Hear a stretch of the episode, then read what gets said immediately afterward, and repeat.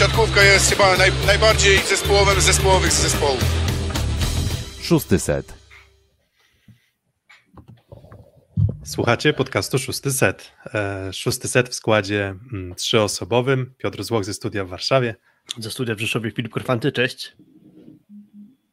Studia w Warszawie, Kuba Lewandowski, cześć. Dobre nastroje chyba, co? Humor, humor dopisuje, słoneczko świeci, dobra pogoda, przynajmniej w większej części Polski. Tego słońca bardzo dużo nie było, ale my oczywiście mamy powody do radości inne. Tym powodem do radości jest to, że po raz pierwszy od sezonu 14-15 będziemy mieli polski pojedynek półfinale Ligi Mistrzów. Ty Filip bardzo dobrze pamiętasz ten sezon 14-15, jeżeli, dobrze, jeżeli się nie mylę.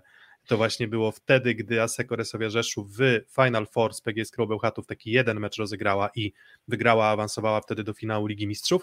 I po tych kilku latach oczekiwania, wtedy można było powiedzieć, że częściowo byliśmy mm, beneficjentem dobrych drabinek tych polskich drużyn, Tutaj już tak na pewno nie można powiedzieć, bo i Zaksa w fazie grupowej, co prawda, ale musiała ograć Lubę Civitanową i Lokomotiv Nowosybirsk, być okazać się od nich lepszymi albo co najmniej na równorzędnym poziomie, żeby dostać się do tego półfinału. Mecz z Dynamem Moskwa pomijamy, ale to, co się wydarzyło wczoraj, to jest ten highlight zdecydowanie tygodnia. Mm, mówiliśmy, że może nie być łatwo, mówiliśmy, że to nie będzie tak łatwy mecz, jakby mógł to zwiastować e, początek, hmm, znaczy początek, początek tej rywalizacji, pierwszy mecz wyjazdowy Jastrzębskiego Węgla, wygrany 3 do 0. Um, no i właśnie chyba serce nam trochę szybciej wszystkim zabiło i trochę nas to wszystko odpaliło, gdy te piłki meczowe w trzecim secie miało e, Lubę, no bo było bardzo blisko tego, żeby doszło do złotego seta. Tak to trochę wyglądało i jak te serca nam bardziej zadrżały w tym momencie, gdzie e, Łukasz Wiśniewski lekko spóźniony do bloku zablokował Juan Torenę, no to, no to zaczęły się pewnie jakieś flashbacki z, e, z poprzedniego sezonu, gdzie no Zaksa jakieś zacięte boje na niesamowitych zwrotach akcji toczyła najpierw z Lubę właśnie, później z Zenitem Kazań. E, trochę mamy powtórkę z rozrywki, czyli teraz w wykonaniu Jastrzębskiego węgla. E, fajnie to spotkanie podsumowali sami Włosi z La Gazzetta dello Sport, pisząc, że Lubę w Jastrzębiu pozostawiło pewne złudzenia, że to spotkanie im się uda odwrócić, czyli co najmniej do tej piłki meczowej wystawionej do Juan Toreny, po czym musieli się ukłonić bandzie Gardiniego. I, i mi się to spotkanie, e, to podsumowanie właśnie bardzo e, spodobało. No, tak, to jest prawda. Właśnie Kuba, ty mówiłeś też, tak nawiążę, tak trochę przekażę ci pałeczkę zaraz, ale y, oglądając ten mecz, mówiłeś, że czułeś się do trzeciego seta i pewnie też, też, też chciałbyś do tego nawiązać, jak rewanż właśnie z Lubę Zaksy, zeszłoroczne spotkanie w, y, to też był ćwierćfinał wtedy. Z Lubę, tak. Tak, to też był ćwierćfinał, ćwierćfinał Ligi Mistrzów wtedy i a, no i właśnie. E,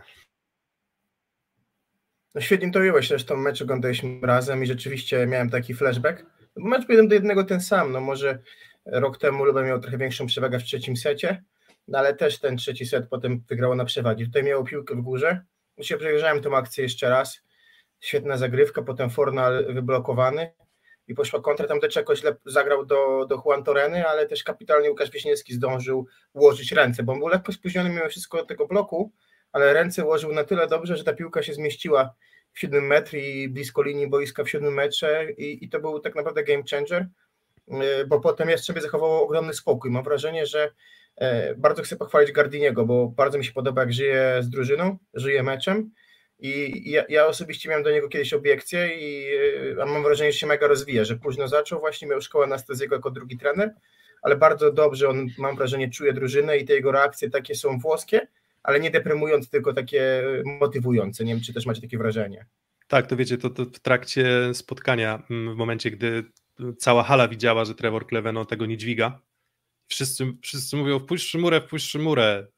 Dał jeszcze kilka akcji Trevor, Trevorowi Cleveno e, na to, żeby się odbudował, nie udało mu się odbudować, no i na pewnym etapie zaryzykował, więc um, ja bardzo nie lubię tego takiego przywiązywania się do pewnych truizmów i pewnych sformułowań i tak generalnie zmiana jest ciągła, to tak wszystko płynie, tak? Do tej samej rzeki e, dwa razy nie wchodzisz i do Gardiniego została przyklejona łatka trenera, który no nie wiem, jest właśnie taką konserwą, w składzie nie decyduje się na zmiany, nie szuka alternatyw, gdzieś jest trochę pasywny w reagowaniu na sytuacje boiskowe, bardzo mocno przywiązany do wyjściowego składu, a tutaj się okazuje, że te pewne truizmy, mm, no chyba już można obalić, tak samo jak i można obalić też jakiś taki mit, że ten Gardini to jest jakiś, nie wiem, wyjątkowy ananas, jakiś gościu z przypadku, który, bo też mam takie poczucie, że trochę taka jest ocena właśnie jego, jego postawy, a myślę, że właśnie te mecze w Lidze Mistrzów, bo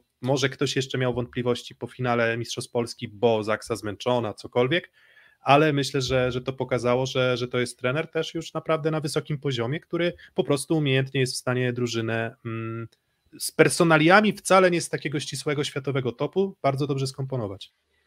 Dokładnie, a jeszcze schodząc na podobną postać, która miała tutaj cokolwiek do udowodnienia, może to jest Tomasz Fornal, który na pewno tymi dwoma spotkaniami i temu, i temu spotkaniu we Włoszech i teraz temu wczorajszemu no to na pewno znakomite wrażenie pozostawił, bo też jeszcze czasem spotykaliśmy się z takimi opiniami, że Tomasz Fornal jeszcze takiej jakby gwarancji tego, że on potrafi grać na najwyższym poziomie, że potrafi wziąć na swoje barki ciężar e, spotkania takiego naprawdę na dużym poziomie, no to teraz to, co wczoraj zobaczyliśmy tydzień temu, no to niesamowita sprawa. Okej, okay, czwarty set Jastrzębie miał już dosyć wysoką przewagę i dosyć pewnie zmierzało ku szczęśliwemu końcowi, ale to, co zrobił na zagrywce, poszedł tam przy kilkupunktowej przewadze i dołożył jeszcze trzy kolejne asy serwisowe, do tego skończone ataki w bardzo ważnych momentach e, setów, e, no okej, okay, można mu lekko wypominać to, że dał się wyblokować przy tej piłce, gdzie za chwilę do kontry wystawę dostał Juan Torena, no ale też nie można mieć 100% skuteczności, chociaż a propos tych zmian Gardiniego, reakcji na boisku, no Rafał Szymura w trzecim secie miał 100% skuteczności. Mm, więc, tak, więc poszukał tych zmian e, Gardini. E, natomiast no, znowu, jakby miał jakąś historię szukać tego spotkania. Już wczoraj był pokój twitterowy organizowany przez Rafała Tomkowiaka i i Anię e, z siatką Ani, więc my tam też z Kubą mm, trochę partycypowaliśmy. No i cały ten mecz i cały ten dwumecz tak naprawdę ja sprowadziłbym osobiście do takiego triumfu jednak rozwiązań technicznych, umiejętności gry z blokiem, umiejętności gdzieś też trafiania precyzyjnie, obijania blokujących, ale też i kiwek.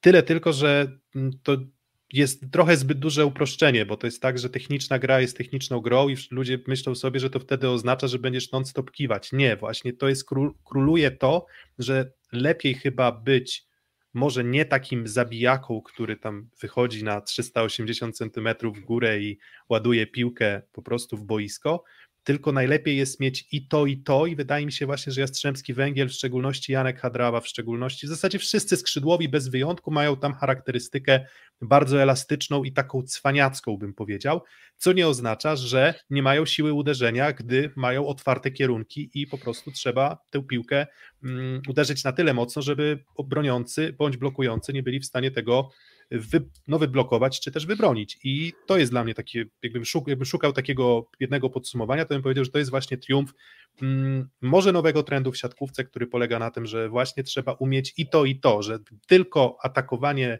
silne w, w łatwych sytuacjach, no to to nie wystarczy.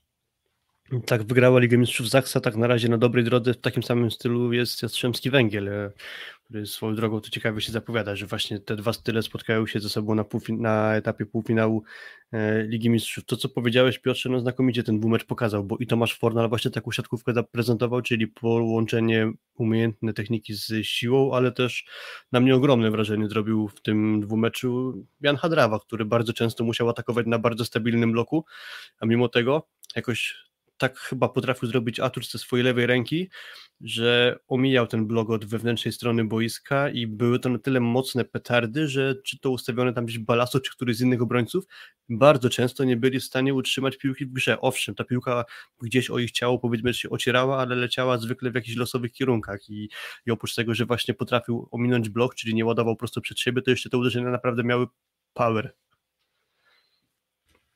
i inny z w ogóle z bohaterów, bo nie wiem, też y, mówimy o Fornalu, mówimy o Hadrawie, no ciężko w ogóle do kogokolwiek z graczy Jastrzębskiego Węgla mieć pretensje, ale gdybym miał jeszcze kogoś jednego wyróżnić, na pewno wymieniłbym Łukasza Wiśniewskiego, który znakomite zawody zagrał w obu tych spotkaniach. Trochę jakby łączymy w jedno te dwa mecze, bo, bo akurat te postaci świetnie zagrały i w pierwszym i drugim meczu, więc to jakby samo z siebie e, wynika, ale chociażby wczoraj no, Łukasz Wiśniewski, ten lekko spóźniony, ale skuteczny blok na Juan do tego chociażby e, Lubę zaczęło bronić, e, czy też gonić wynik w czwartym secie i e, Łukasz Wiśniewski blokuje Diamantiniego, który atakuje z przechodzącej piłki. Łukasz Wiśniewski Kubą Kochanowskim tegorocznego Jastrzębskiego Węgla, tak? To też pamiętacie ten blok Kuby Kochanowskiego na um, Artiomie Wolwiczu chyba wtedy, tak? To był, czy Wolwicz, a może tak, Wolwiczu. Wydaje mi się, że na Wolwiczu, więc tutaj to, też... To, to... I to Ale też właśnie... też na Simonie zrobił blok w ważnym momencie. E, tak, tak, tak, ale, ale właśnie mm, to też jest dobra, to zaraz, zaraz pewnie Kuba, Kuba ty, ty jeszcze chcesz powiedzieć parę zdań, to, to, to ja właśnie też o Łukaszu Wiśniewskim zaraz też dopowiem.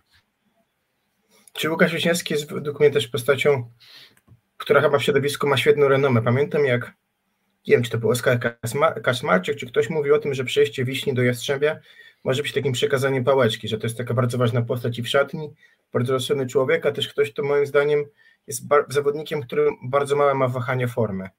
Bo naprawdę on w tym dwumeczu pokazał to, że Simonem może nie jest, no ale każdego jednego środkowego praktycznie na świecie zrównuje albo i może być w bezpośredniej rywalizacji lepszy, tak? Może nie jest tak e, spektakularny, chociaż ta wiśniówka słynna jest, jest znana w całej Polsce i dobra. E, no I, no, to, no, i jak, sama, jak sama nazwa sugeruje, no on też zapoczątkował pewien styl tego typu, tak równolegle chyba z Antigą, ale to on był właśnie jednym dokładnie, z, dokładnie tak, jednym z pierwszych, tak. więc no to też świadczy o tym, że nie jest tylko wyrobnikiem, ale też potrafił zapoczątkować coś swojego, prawda? Wiesz, to jest ta złota generacja w Częstochowie, chyba oni na, na środku byli on i Nowakowski, prawda? Dwóch młodych kotów. E, zawsze Łukasz był trochę tym pierwszym poza reprezentacją, tam ten epizod Ude Georgiego, no ale myślę, że akurat w polskiej kadrze się bo, nie łapać. Wiesz, to, bo za niski. Za niski, to, to, no, to, może, może jakieś tak się mówiło, Nie, nie, nie, wiadomo, nie właśnie, właśnie mówię, szydzę, szydzę z tego, bo, bo, bo, bo, bo mhm. to jest, no mówię, no to są, Kuba, Kuba Kochanowski jest, nie wiem, no być może lepszym, lepszą wersją Łukasza Wiśniewskiego, może, może ma ten sufit wyżej, ale to generalnie charakterystyka pod wieloma względami jest, mm, jest myślę bardzo podobna, tak? No zdecydowanie, a Jakub Macyra chyba nadzwyczajnych spotkań z kolei nie zagrał, no ale też jakiś pojedynczy blok na Anzani mi się przypomniał, więc no też swoje momenty miał, e, więc tak naprawdę no można chwalić Jastrzębie, ciężko do czegokolwiek się tutaj przyczepiać. E, Jakub Popiwczak przecież też świetne kilka piłek powyciągał, e, niezbyt chyba dobre dwa sety pierwsze to Benatoniutiego, nie wiem czy się ze mną zgodzicie. Mm, tak, tak, zgadzam się i mm, no i też chwała właśnie Toniutiemu za to, że potrafił trochę skalibrować, skorygować te wszystkie mm, elementy, te swoje odbicia, bo z przebiegiem meczu było coraz lepiej. I to też jest klasa, tak? Opanować nerwy, opanować e, plan na grę, bo rozgrywający jakiś tam swój plan na grę ma. Wiecie, no i też jeżeli byśmy oceniali to po samej skuteczności, no to, no to te pierwsze dwa sety po prostu mm, przeszkadzał. To Newty po prostu przeszkadzał i chyba to nie jest, wiecie, jakieś specjalnie ryzykowne stwierdzenie, no bo to nie jest tak, że są zawodnicy nietykalni. I z Toniu Team też tak jest, że no, nie, nie można skrytykować Toniutiego. Bardzo fajnie to też napisał na Twitterze Michał Wolanin, który mówi, no, że gdyby Fabian Drzyzga grał te, przez te pierwsze dwa sety kilka piłek, mm, podobnie jak Toniutti, to on zostałby zjechany z błotem od góry do dołu. Mm, w przypadku Toniutiego jest trochę Wiesz, tak, mamy w życiu... Wybacza mu się więcej, o. No myślę, że to jest pięknie ujęte, bo myślę, że w życiu w ogóle jest taki w pracy, w różnych zawodach. Masz renomę. Jak robisz sobie renomę, to, to możesz więcej, ale dzisiaj trochę obejrzałem sobie tego meczu jeszcze w przerwach od pracy i mam wrażenie, że on starał się te piłki grać często zbyt dokładne wręcz. Widziałem na przykład to, jak on grał z Fornalem, no to starał się mu dograć troszeczkę skróconą, nie pełni do skrzydła, tylko trochę e, odsuniętą, tak żeby Fornal mógł swoją techniką wybić e, piłkę do prostej, bezpośrednio nad rękami y, atakującego albo rozgrywającego, gdzie rzadko kiedy stał ktoś z lubę. I mam wrażenie, że czasami się na tym przejeżdżał właśnie, że ta piłka była aż za blisko siatki, że to zmuszało Fornala do ratunkowej kiwki. I trochę mam podobne wrażenie z Popiwczakiem momentami na przyjęciu, bo zobaczcie, czwarty set i Kowar idący na zagrywkę. Ja nie wiem, zagrywki nie było jakieś turbo, wydaje mi się, wymagające Kowara, a może to jest moje złudzenie, ale mam wrażenie, że Popiwczak chciał przyjąć idealnie. Dosłownie w pierwszy metr pod ręce Toniutiemu i dlatego ta piłka przechodziła lekko na drugą stronę, stąd raz skutecznie zaatakował Diamantini, a raz, a raz go zablokował na szczęście Wiśniewski. Mam wrażenie, że trochę tylko perfekcjonizmu momentami już trochę było za Tak, dużo to wiesz co- w- w Jastrzębiu. Wiesz, czy mi się to kojarzy? Kojarzy mi się to e, z rozmową o pracę. Jaka jest pana wada, panie Jakubie? Jestem perfekcjonistą, każdą piłkę chcę Tak, dograć na tak. noc, tak? To taka, wiecie, wada, wada nie wada, ale, ale czasem faktycznie może blokować. W, ty, w tej konkretnej sytuacji e, ta chęć do grania na maksa nie pomogła. Dokładnie, a jakby puentując Natomiast- jeszcze grę, no Kuba, skończ sobie. Nie, nie, Filip, proszę bardzo. Jakby puentując y, sprawę Benatu Nutiego i ewentualnie jego dwóch pierwszych słabszych setów, no to ja nie mówię, że to jest jakby wina Nutiego, ale liczby są takie, że pierwszy set i drugi, skuteczność Jastrzębia e, jako cały, całego zespołu w pierwszym 58%, w drugim 42%, a w trzecim i czwartym 70%. Czyli widać jaki jest wzrost tych parametrów i to też jakby chyba ciężko inaczej przedstawić, jakby jako, że rozwijało się Lubę wraz z Jastrzębie wraz z przebiegiem tego mm, spotkania. Mówimy teraz o Jastrzębskim Węglu, lekko trochę zbaczając na drugą stronę siatki, Kucinę Lubę, mi się wydaje, że ponownie można by pochwalić za dobre spotkanie e, Simona, e, Lucarelliego, ewentualnie Balasto, czyli jakby identycznie niż w, jak w poprzednim e, Myślę, spotkaniu. że Zajcew przyzwoicie mimo wszystko zagrał Zajcew. Ale, ale właśnie do tego chciałem zmierzać, że miałem jedną obawę takiej postaci, że obejrzałem spotkanie Lubę z Weroną ligowo ostatnio, więc znakomicie tam grał Zajcew i, i jakby to był taki przedsmak tego, że on może tutaj sporo złego Jastrzębiu wyrządzić, jakąś krzywdę sprawić. I bardzo długo to wyglądało właśnie w taki sposób, że będzie ciężko zatrzymać Zajcewa, który grał świetny mecz, no ale gdzieś już w okolicach trzeciego, czwartego seta Pamiętam, że Tomasz Swędrowski komentujący to spotkanie powiedział coś w stylu, że jakby w końcu myli się Iwan Zajcew, jakoś mniej więcej tak to brzmiało i, i, w końcu i jego udało się zatrzymać, ale, ale mimo tej długiej przerwy od grania, tego ciężkiego sezonu dla niego i dla Juan Tereny też nawiasem, ale, ale Zajcew wczoraj myślę, że pokazał klasę, trzeba go pochwalić na pewno. Na ile, dwa pytania, na ile, pierwsze pytanie, na ile właśnie gasło Lubę z, z przebiegiem meczu, bo Juan Torena i Zajcew no mało grali, Juan Torena to już w ogóle, Zajcew też niewiele. Druga rzecz, yy, powiedzmy sobie szczerze, jakby charakterystyka postaci, czy może hymn pochwalny dla Jaśka yy, Hadrawy, bo chyba on jeszcze nie padł dzisiaj, a to co wczoraj mówiłem Piotrek w trakcie transmisji, on jest fenomenalny w doborze tempa.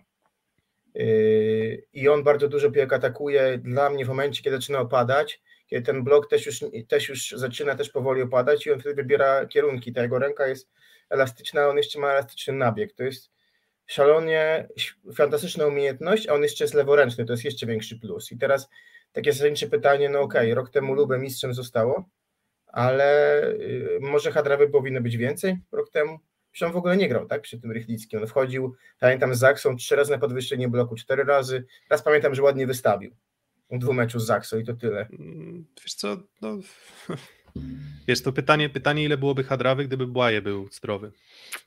Wiecie, no bo to też jest znak, znak zapytania i no i cóż, przypadki, e, przypadki decydują. No, z Rychlickim po prostu rywalizację, e, rywalizację przegrywał na, na, na, dłuższym, na dłuższym dystansie i, mm, i, i tyle. Ja raczej nie zarzucam trenerom albo, no nie wiem, no rzadko kiedy zarzucamy trenerom, bo też nie widzimy do końca tych realiów treningowych, więc trudno jest powiedzieć, czy, czy Janek Hadrawa akurat prezentował się, nie wiem, z lepszej strony, gorszej strony, czy zasługiwał na więcej gry, natomiast gdy już tę grę otrzymał mm, i to jest taki kolejny gdzieś tam wniosek, temat do, do poruszenia, no to mm, w składzie Jastrzębskiego Węgla nie było, było dwóch środkowych polskich, którzy są poza kadrą, dwóch przyjmujących finiszowało, dobijało Lubę, z czego jeden powiedzmy jeszcze w okolicach kadry jest, no ale był numerem 5 na Mistrzostwach Europy do grania. Drugi przyjmujący pewnie jest gdzieś tam na dziesiątej pozycji, tak pewnie byśmy ocenili Szymurę, dziesiątej, dwunastej, trzynastej może, jakbyśmy no bardziej dziesiątej niż trzynastej, ale, ale tak, daleko.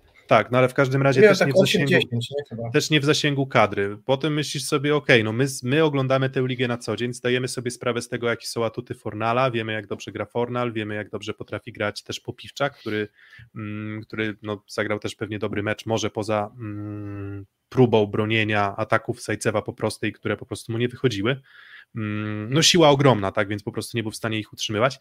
Natomiast do czego zmierzam? Zmierzam do tego, że my jako, mm, jako ludzie obserwujący Polacy, obserwujący tę ligę na co dzień, zdajemy sobie sprawę z tego, jaką jakość tak naprawdę ten Jastrzębski Węgiel prezentował. Natomiast jeżeli myślisz sobie, że jesteś takim obserwatorem tej ligi z zewnątrz i widzisz Jastrzębski Węgiel i w sumie widzisz drużynę, w której poza mistrzem olimpijskim nie masz reprezentantów Polski etatowych, nie masz ludzi, którzy na arenie międzynarodowej wygraliby, mm, wygraliby bardzo dużo ze swoimi reprezentacjami, masz podstawowego atakującego reprezentacji Czech, dobrego, bo dobrego, ale było, nie było w poprzednim sezonie drugiego atakującego mm, Lubę. I biorąc to wszystko pod uwagę, no tym bardziej imponujące jest to, jak to mm, jak to posklejał Gardini i to też można traktować jako mocny, naprawdę mocny pokaz siły naszej ligi, tak, i, i no bo po, po, drugiej stronie siatki macie co? Reprezentanta Brazylii, etatowego Lucarelliego, być może najlepszego środkowego świata, jednego z najlepszych środkowych,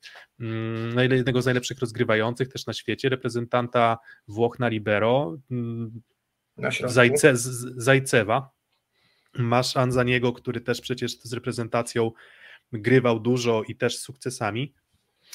I nagle myślisz sobie, kurczę, no teoretycznie na papierze może jest tak, jak oceniali to bukmacherzy, tak, przed meczem, czyli tam półtora dla Lubę i nawet na wyjeździe to Lubę było traktowane jako, jako jednak faworyt, a tu się okazuje, że no sztyczek w nos i nawet jakby, to, nawet jakby ten Jastrzębski Węgiel przegrał to w trzech setach, no to i tak przegrałby to w możliwie najmniejszym mm, bilansie, bo w zasadzie sześcioma małymi punktami, a oni nie, nawet nie tyle to przegrali, co po prostu wyciągnęli to na, e, na swoją korzyść i wielki szacunek też za to, że ten skład wyjmując to wszystko przed nawias, nie traktując Jastrzębskiego Węgla jako całej drużyny, może nie jest aż tak imponujący, ale sukces jest fantastyczny i wielkie gratulacje.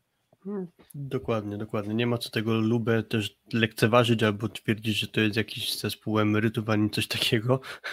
Chociaż akurat też prawda jest taka, że pomyślałem w ten sposób, że trochę przykry widok w pewnym sensie, jak chociażby wchodzi z ławki ten Juan Torena za krwawiącego Janta. No i Juan Torena nie kończy tej arcyważnej kontry na mm, zakończenie meczu 3 do 0 i na start ewentualnego złotego seta. Co, krwawił nie tylko w przyjęciu. Haha. Dokładnie, dokładnie. Był blok dosłownie... kapitalnie ułożony chyba.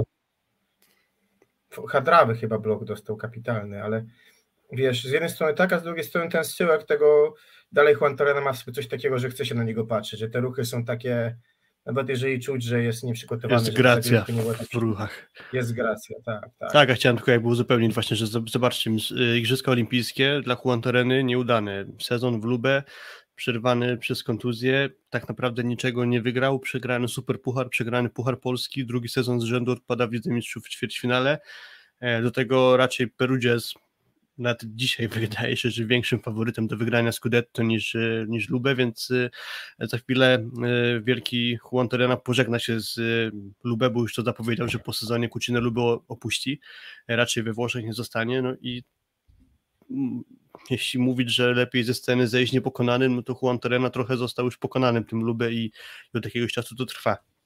Wiesz co, no tak jakbym miał oceniać, to na miarę aspiracji, możliwości Lubę szykują się czasy chude. Mówi się o odejściu Simona do Piaczęcy, tak? Um, mówi się o odejściu Juan Toreny. Ani Janta, ani Garcia nie wydają się być jeszcze gotowi na granie na tym najwyższym poziomie.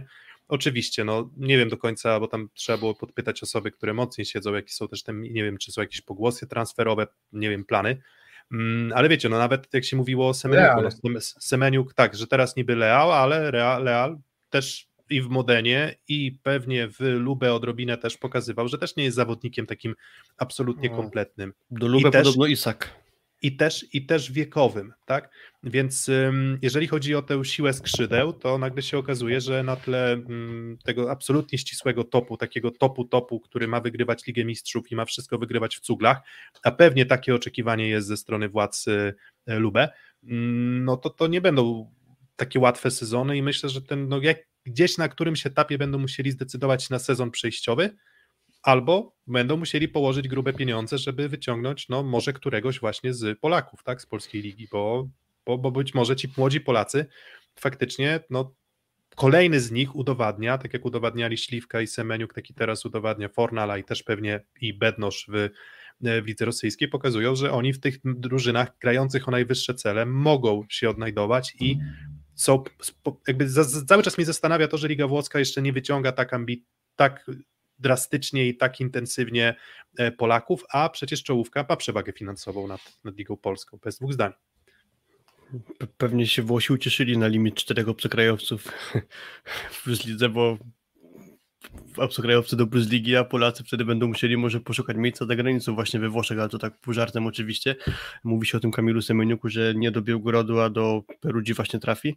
E, oprócz tego być może też e, skończy się tym, że kilku Polaków, wiesz, im więcej będą wygrywać e, w Polsce i w Europie, w polskich klubach, tym więcej będzie ich oglądać we Włoszech, bo tak to ostatnio wygląda, że Włosi po prostu jak e, potrzebują sukcesu, to wyciągają grube pieniądze i ściągają najlepszych. A różnica jest taka, że polskie kluby nie ściągają najlepszych, tylko tych najlepszych kreują po prostu. Dokładnie, no ale jak to, no co, co do zasady pieniądz w longranie pewnie w sporcie wygrywa.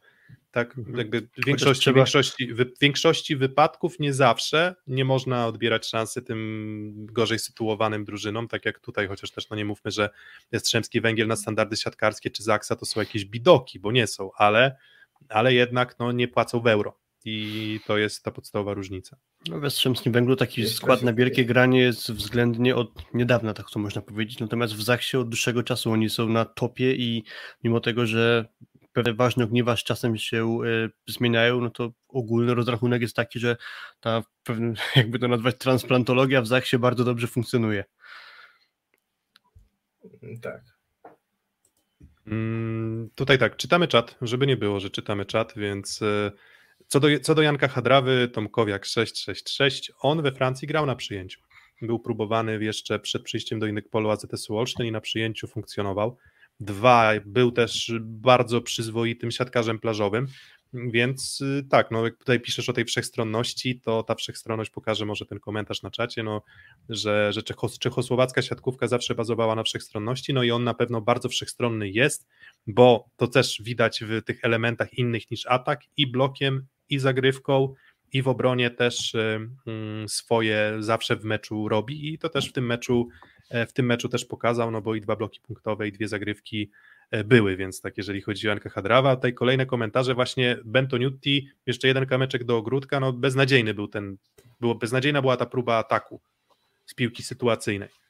Um, co też jest takie, wiecie, no zastanawiające, no bo pokazuje, że no trochę zabrakło chłodnej głowy i właśnie trochę nerwów w tych pierwszych dwóch setach mm, przegranych też y, wynikało z tego, co też pisze Arbena, czyli właśnie ten na przykład atak Toniutiego, Mm, ale też właśnie rozkojarzenia w stylu pokłócimy się z sędziami, za późno weźmiemy challenge, mm, ta, ta kiwka Kleveno, jak pamiętacie, wynikająca jakby z całego łańcucha odbić wcześniej, no bo to Newt mu zagrał fatalną piłkę, ale ta kiwka, która nawet nie przeszła na drugą stronę siatki, w zasadzie nawet do taśmy nie doleciała. Było kilka takich przykładów, które pokazywały, że te nerwy na pewno w Jastrzębiu były, i tak jak mówię, no to gdyby przegrali, to byśmy powiedzieli, no może trochę wyszli przemotywowani, ale jak wygrali, to można trochę inne wnioski doszukiwać się i, i to jest właśnie fantastyczne w siatkówce znowu, że zupełnie inne wnioski mamy teraz, gdy jesteśmy zadowoleni z tego zwycięstwa 3 do 2, a zupełnie inne byłyby wtedy, gdyby Wiśniewski na przykład w tempo skoczył do tego bloku i po prostu zostałby obity w ostatniej akcji e, meczu przy piłce meczowej dla Alube. No jeszcze złoty set oczywiście, ale to nie wiemy, czy by też wtedy, a chociażby udało się mm, Jastrzębiu tak y, te złote sety na swoją korzyść rozstrzygać, jak to było w sezon temu przez Zachsę, ale, ale tu nie ma co gdybać. No, skończyło się tak, jak się skończyło i możemy się cieszyć tym, że za dwa tygodnie mamy polski półfinał. No i właśnie, i my jeszcze dedykowany odcinek, mm, może z jakimś profesjonalistą, który też będzie w stanie nam dobrze scharakteryzować te niewidoczne dla nas dobre strony, słabsze, lepsze strony, gorsze strony i Zaksy, i grupy Azoty Zaksy i właśnie Jastrzębskiego, mm, Jastrzębskiego Węgla. Ale no, takie szybkie pytanie, no to na, zanim tę analizę przeprowadzimy, to myślę, że wartościowe jest pytanie, no to kto w zasadzie będzie faworytem, bo dwa, dwa tygodnie, tak? Jeżeli dobrze pamiętam, w kolejnym tygodniu nadrabianie zaległości w przypadku Jastrzębskiego Węgla i Zaksy. Mm, Jastrzębski Węgiel z projektem Zaksa zdaje się z Resowią i za dwa tygodnie w środę mm, trochę zmęczone być może już sezonem e, Zaksa i Jastrzębski Węgiel, no spotkają się w tym pierwszym meczu. E, no i właśnie, jakbyście mieli wskazywać takiego faworyta waszego na, na teraz, to kto? Tak konkretnie mówiąc, gdzieś prawdopodobnie między 29 a 31 e, marca ten mecz zostanie rozegrany, może niekoniecznie w środę, ale tak za dwa tygodnie na pewno, bo taki jest terminarz na stronie CW mm, rozpisany. E, mniej więcej podobny chyba etap zmęczenia będą przechodziły obie ekipy, czy to Jastrzębie, czy, czy Zaksa. E, chyba mają sześć spotkań mniej więcej do rozegrania jeszcze, więc tu z pewnością będzie no, niełatwa sytuacja dla nich, bo wiemy jak przeładowany ten terminarz jest i jak potoczyła się sprawa jeszcze nadrabiania spotkania z Treflem, do czego może dojdziemy. Mm, pewnie wróci Juri Gładry do grania w Jastrzębskim Węglu. Tak mi się wydaje, że ta jego kontuzja już mniej więcej e, będzie miała zakończenie, jeśli tam wszystko dobrze przebiega, więc będzie duże wzmocnienie na pewno Jastrzębia. E, nie widzę tu jednego faworyta. Wydaje mi się, że lekko wyżej mimo wszystko postawiłbym e, Zaksę ale chociażby Tomasz Fornal mocno urósł w moich oczach tym dwumeczem z Lubę, więc y, Jastrzębie ma wyraźne dwa atuty, chociażby na skrzydłach, czy to Fornal, czy, czy Hadrawa, którzy znakomicie zagrali to spotkanie. Jeśli to powtórzą z Zaksą, no to ciężka przeprawa, no ale z drugiej strony patrzymy na, na Zaksę, no i, i co, i Zaksa nie ma dobrych skrzydeł? No też ma dobre skrzydła. Nie, nie no, wiesz, tak, szczerze, w Polski.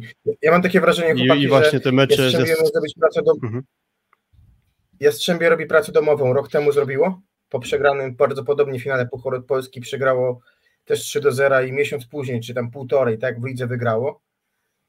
I ta praca jest domowo wykonywana. Zaksa trochę ma zadyszkę, no ale mamy mecze za dwa tygodnie, myślę, że zupełnie inna motywacja, ale ja bym dzisiaj jest mi szalenie ciężko powiedzieć, nie wiem, ktoś pisał na czacie 50-50 i, i, i, chyba jestem bliski tej, tej opinii, że te, te mecze w tym sezonie były na razie, poprawcie mieć trzy, prawda? Super Puchar 3-0 Jastrzębie, mecz w Kędzierzynie chyba w piątej kolejce 3-0 e, Zaksa i, Super, i Puchar Polski 3-0 Zaksa. I teraz mamy w trakcie tygodnia trzy mecze. Mm, ankieta, Dwa ankieta leci. A mówię, sorry, w międzyczasie ankieta leci. Ile setów zobaczymy w dwumeczu Zaksa, Jastrzębski Węgiel? 6, 7, 8, 9. 10 czy 11. Wiem właśnie, to trochę taka ankieta z dedykacją dla ciebie, Kuba. Chciałbym 11, ale chcę powiedzieć, że ten mecz w środku tego, w weekend jest bez sensu, znaczy bez sensu. Ja bym trenerami bym wyszedł drugimi składami i cześć. No jakby, bo no nie wiem, no trzy mecze to jeszcze nie wiemy o co ten mecz będzie ligowy. No dokładnie. Chyba, chyba myślę, że szansa Terpaporti Błaje, no to byłby ciekawy taki mecz w środku tygodnia jednak na no nie odsłaniają dalszych kart jednak, tak? Pytanie, pytanie, co pomyśli Liga, czy będzie też pomysł, żeby to może znowu przesunąć też, bo nie wiem szczerze, po, po chyba się może spodziewać wszystkiego na tym etapie. E, obie ekipy w tabeli dzieli jeden punkt, więc może się okazać, że to będzie spotkanie nie o nic, więc raczej e, granie rezerwami może nie być najlepszym pomysłem. Różnie się to może jeszcze potoczyć, także że to dopiero się jeszcze okaże, czy to będzie spotkanie o nic, czy, czy, czy będzie jeszcze tam o co grać od tego ewentualnie będzie trzeba mm, jakieś tam wnioski wyciągać. No ale porażka, prostu... porażka Zaksy y, ze Scroll, mm, bo ona też się wydarzyła przecież no, niedawno, no bo we wtorek, prawda, to było takie preludium do tego wydarzenia, wydarzenia tygodnia, jakim był mecz Jastrzębskiego Węgla z Lubę. Um, natomiast Natomiast właśnie ta porażka 3 do 1 i też dobry mecz z Kry i to, to nie było tak, że ta Zaksa, jak w przypadku meczu z Czarnymi Radą miałem poczucie, że tam faktycznie zawaliła, tak przegrali, no to, no to prawdopodobieństwo, że ten mecz Zaksy z Jastrzębskim Węglem będzie decydował o, mm, o pierwszym, drugim miejscu jest moim zdaniem teraz bardzo wysokie. Więc raczej nie spodziewam się, że to będzie mecz o nic i i o ile jeszcze tam dyskusja, czy to siódme miejsce, ósme miejsce, to jest jakby ok, czy pewnie może trochę łatwiej byłoby z miejscem ósmym niż z siódmym, biorąc pod uwagę gdzieś też przewagę punktową, różnicę pomiędzy, nie wiem, GKS-em Katowice, a projektem AZS-em Olsztyn czy Resowią, bo nie wiemy, kto to siódme miejsce zajmie. Mm, natomiast no, przewaga własnego boiska, perspektywa też potem przewagi w potencjalnie własnego boiska w finale, no to nie bagatelizowałbym tego, więc no, raczej nie uwierzę w to, że ten mecz ligowy będzie meczem, w którym zagrają Ławkowicze. Albo ktoś pójdzie wzorem myślenia naszych włodarzy PLS-u i stwierdzi, że trzeba postawić dobro Ligi Mistrzów nad dobrem plus ligi i wtedy niezależnie od tego, czym grozi porażka w takim meczu właśnie ligowym, czy to właśnie ewentualnie utratą pierwszego miejsca w rundzie zasadniczej, no to i tak to poświęcą, żeby zachować siły na rewanż w półfinale Ligi Mistrzów, ale, ale to jeszcze za wcześnie, żeby teraz tak naprawdę to analizować. No Chyba właśnie, nam zniknął, ale, ale może wróci za chwilę. tak, ale, ale może, może wróci. Jak na razie dominujący wybór 8-9 setów zobaczymy, no to to będzie albo 3-1, 1-3 i złoty set, no albo, albo co najmniej jeden, jeden tiebreak. Takie wnioski można z, z waszej oceny wyciągnąć. Mm, No i tak troszeczkę, jak już tak omówiliśmy ten mecz Jastrzębskiego Węgla z Lubę, może pokrótce, może nie, no to już tak na finiszu tej naszej e, dzisiejszej dyskusji Mm, Drugim tematem, który no chcielibyśmy poruszyć, no jest ta sytuacja terminarzowa w Plus Lidze. A otóż sytuacja wygląda tak, że Trefl Gdańsk, władze Trefla Gdańsk dogadały się z ligą, z, z Saksą, z Jastrzębskim Węglem i liga na to wszystko pozwoliła, że mm, po zakończeniu już wszystkich spotkań w lidze jeszcze dwa mecze zostaną rozegrane e, Kuba wrócił. Jeszcze dwa mecze Trefla Gdańsk z Saksą i Trefla Gdańsk z Jastrzębskim Węglem zostaną rozegrane po zakończeniu fazy zasadniczej. No i pierwsze pytanie, co wy o tym sądzicie? Bo, bo mi to się osobiście bardzo nie podoba. Mm, Jak czytałem to poświadczenie, czy jak to nazwać, komentarz dotyczący całej tej sytuacji, że to dla dobra polskich klubów, to miałem taką myśl, że PLS kolejny raz jest świetny w rozwiązywaniu problemów, które sam sprawia. E, totalnie mi się nie podoba to, że te spotkania zaległe Zaksy Jastrzębia z będą po zakończeniu planowanym rundy zasadniczej, bo i tak od zawsze jestem za tym, żeby ostatnia kolejka rundy zasadniczej miała miejsce jednego dnia o jednej godzinie. O tym mówimy co sezon i zawsze ktoś nas próbuje wybić z tego, że to jest możliwe do zrealizowania. Okej, no to jeśli to nie jest możliwe do zrealizowania, to zrealizujmy chociaż tak, żeby nie trzeba było przesuwać startu playoffów, które zaplanowano bardzo dawno temu. A gdyby to rozłożyć na czynniki pierwsze, to nie jest moim zdaniem tak, że nie dało się tej sytuacji uniknąć, więc teraz nie ubierajmy tego w jakiś wielki sukces, że albo że nie mówmy o tym, że jesteśmy wielką siatkarską rodziną i cudownie udało nam się porozumieć ku chwale polskiej siatkówki. No, trochę tak ten artykuł wybrzmiał, a, a lekko szyderczo do, do niego podchodzę. Yy, Jesteś Filip dużym fanem La Ligi. La Ligi w piłce. Wskaż mi ligę, gdzie nie masz dwóch ostatnich kolejek w tym samym okresie. Dwóch ostatnich kolejek w tym samym okresie. No, robisz po to, żeby wyrównywać szanse. Michał Kwietko-Biebnowski, wiesz, widziałeś tą nitkę, prawda, którą pisał, tak? I nawiązywał do sytuacji z roku sezonu 14-15, tak? Kiedy e, mecze w różnym okresie rozgrywane powodowały, że, że Delekta, e, inaczej, że, że e, Transfer Zespół, który grał drugie miejsce, już nie miał sensu, tak, tak. Zespół, który grał, miał drugie miejsce, nie zawalczył maksymalnie z Kielcami, Kielce weszły, a, a transfer Bydgoszcz wtedy Heinena z Siltalą, chyba moim ulubionym, chyba wtedy nie wszedł do, do ósemki. No, ni- unikajmy takich sytuacji. Ja rozumiem dobro naszego sportu. Mamy teraz półfinał Ligi Mistrzów i zobaczymy, co teraz się okaże, bo to jest kapitalna okazja dla promocji sportu. Panowie, to jest poważna, poważne rozgrywki. My zawsze mamy trochę kompleks drużyn klubowych mm, w sportach. Jesteśmy w półfinale, to jest wielkie święto. A jestem ciekawy, jak to rozegra liga, jak to rozegra polska siatkówka, czy, czy do tego się tak przyłoży, jak do przekładania terminarza. Ja jako fan Gdańska, czy osoba może inaczej, nie fan, ale która jakby to, to samo jest z klubem, też uważam, że to jest w porządku, tak, w tej rywalizacji o playoff, bo rozumiem zawodników z Katowic, którzy boją się sytuacji, w której stracą ten playoff w sposób taki no mocno dla nich yy, bolesny, tak, kiedy tak naprawdę no, oni swoje mecze skończyli, a drużyna będzie, będą siedzieli przed telewizorami, obgryzali paznokcie, jak będą mieli, nie wiem, cztery punkty zapasu, czy trzy i będzie miał Gdańsk dwa mecze do rozegrania z drużynami grającymi pietruszkę. No, tak być nie powinno. Też zwróćcie uwagę, panowie, na turnieje poważne, tak? W sensie Mistrzostwa Europy w piłce nożnej. Nawet jeżeli to jest wielkie święto, ogromne święto, prawda, piłkarskie, przy którym są kolosalne pieniądze, to są rozgrywane w grupie mecze tego, o tej samej godzinie ostatniego dnia? Mimo tego, że pewnie można by było puścić dwa osobne i więcej zarobić pieniążków, są? No są. No są, no i, i tak jak uczciwie. Widzisz, i tak jak nawet ja nie oczekuję tutaj mm, tego, że akurat wszystkie mecze będą rozgrywane, ale żeby chociaż one były gdzieś popakietowane, tak, że powiedzmy te mecze, które decydują na przykład o awansie do playoff, no to staramy się rozgrywać mhm. w jednym momencie. Już rok nawet temu chodzi o to, żeby nie było, było... Panowie, rok temu tego nie, nie nigdy też. tego nie ma, nie ma, tego, tego, tego liga nie praktykuje, jest to związane pewnie też z transmisjami, chęcią Mm, zaoferowania czasu antenowego tak naprawdę na wszystkie spotkania w, e, w sezonie. Ale mm, natomiast, natomiast ja mimo wszystko jeszcze w tej całej dyskusji, jak uważam, że to jest beznadziejne rozwiązanie, beznadziejny pomysł i tam tłumaczenie tego wszystkiego um, tak zwanym dobrem polskiej siatkówki jest dla mnie dość kuriozalne, um, bo były terminy, w których te mecze można było rozegrać wcześniej, bo to też jest bardzo istotne w tej całej układance, że to nie jest tak, że Jastrzębski Węgiel nie mógł na przykład zagrać meczu z Treflem 2 marca, bo mógł, bo był wolny termin, nie z jakiegoś powodu nie zagrał, tak? Um, więc mówienie tam o dobrze siatkówki, no to nie wiem, no dla mnie dobrem siatkówki jest też dobro plus ligi i mam wrażenie, że tutaj ten, ten powiedzmy dobre imię ligi ligi zostało po prostu nadszarpnięte. Tyle tylko, że ja chcę powiedzieć tutaj otwarcie, że moim zdaniem nic to nie zmieni. O, jakby nie sądzę, nie powiem, że zjem czapkę, bo potem wiecie, ktoś to nagra i trzeba będzie jeszcze czapkę jakoś na antenie wpieprzać. No wiesz, wczoraj mm, Gdańsk, Ale, wczoraj Gdańsk. Tak, no właśnie wczoraj, wczoraj. Tak, właśnie stracił, stracił te punkty, tutaj nawet punkcik z tym Indykpolem AZS-em Olsztyn może dałby mi już jakąś taką perspektywę, no ale Tref Gdańsk gra z Izaksą Jastrzębiem, które też raczej, raczej będą grały o coś.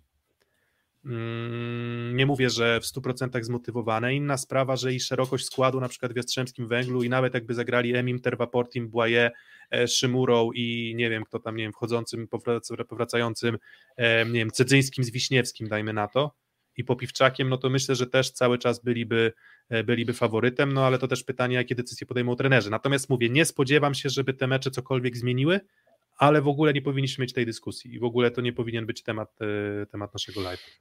Wiecie, to się łatwo teraz mówi, że no nie powinno tak być, jak się ustało. No to w takim razie wskażmy e, możliwości inne, żeby tę sytuację rozwiązać, żeby takie sytuacje uniknąć, że Zaksa i Jastrzębie i Trevor będą grali już po planowanym zakończeniu rundy zasadniczej. Dobra, to, ja, e, już, to ja już od tych odpowiedzi nie znajdę, więc poszukajcie ich razem, a ja muszę uciekać. Trzymajcie się wszyscy. Trzymaj się. jeszcze Trzymaj się. Do, dosłuchajcie e, końcóweczki szóstego seta. Na razie. Cześć Piotrek, cześć. Cześć, cześć.